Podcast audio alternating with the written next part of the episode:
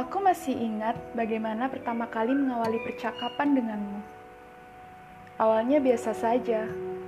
Kamu yang bercerita tentang pelikmu pun sebaliknya aku.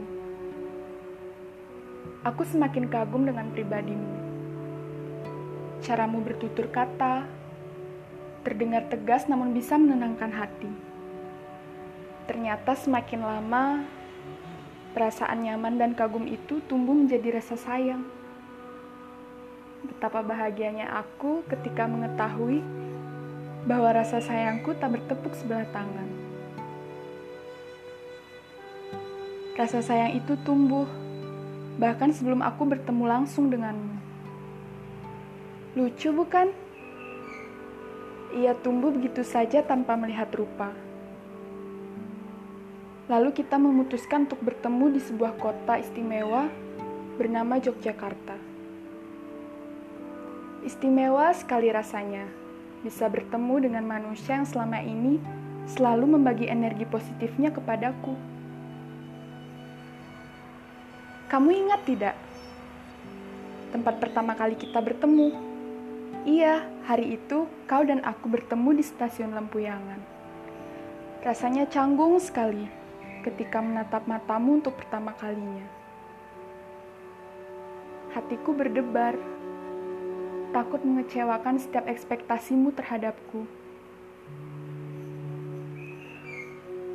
Sungguh lucu semesta ini mempertemukan kita dengan begitu uniknya. Semesta dengan caranya telah mempertemukan dua anak manusia yang saling membutuhkan dan membiarkannya jatuh cinta.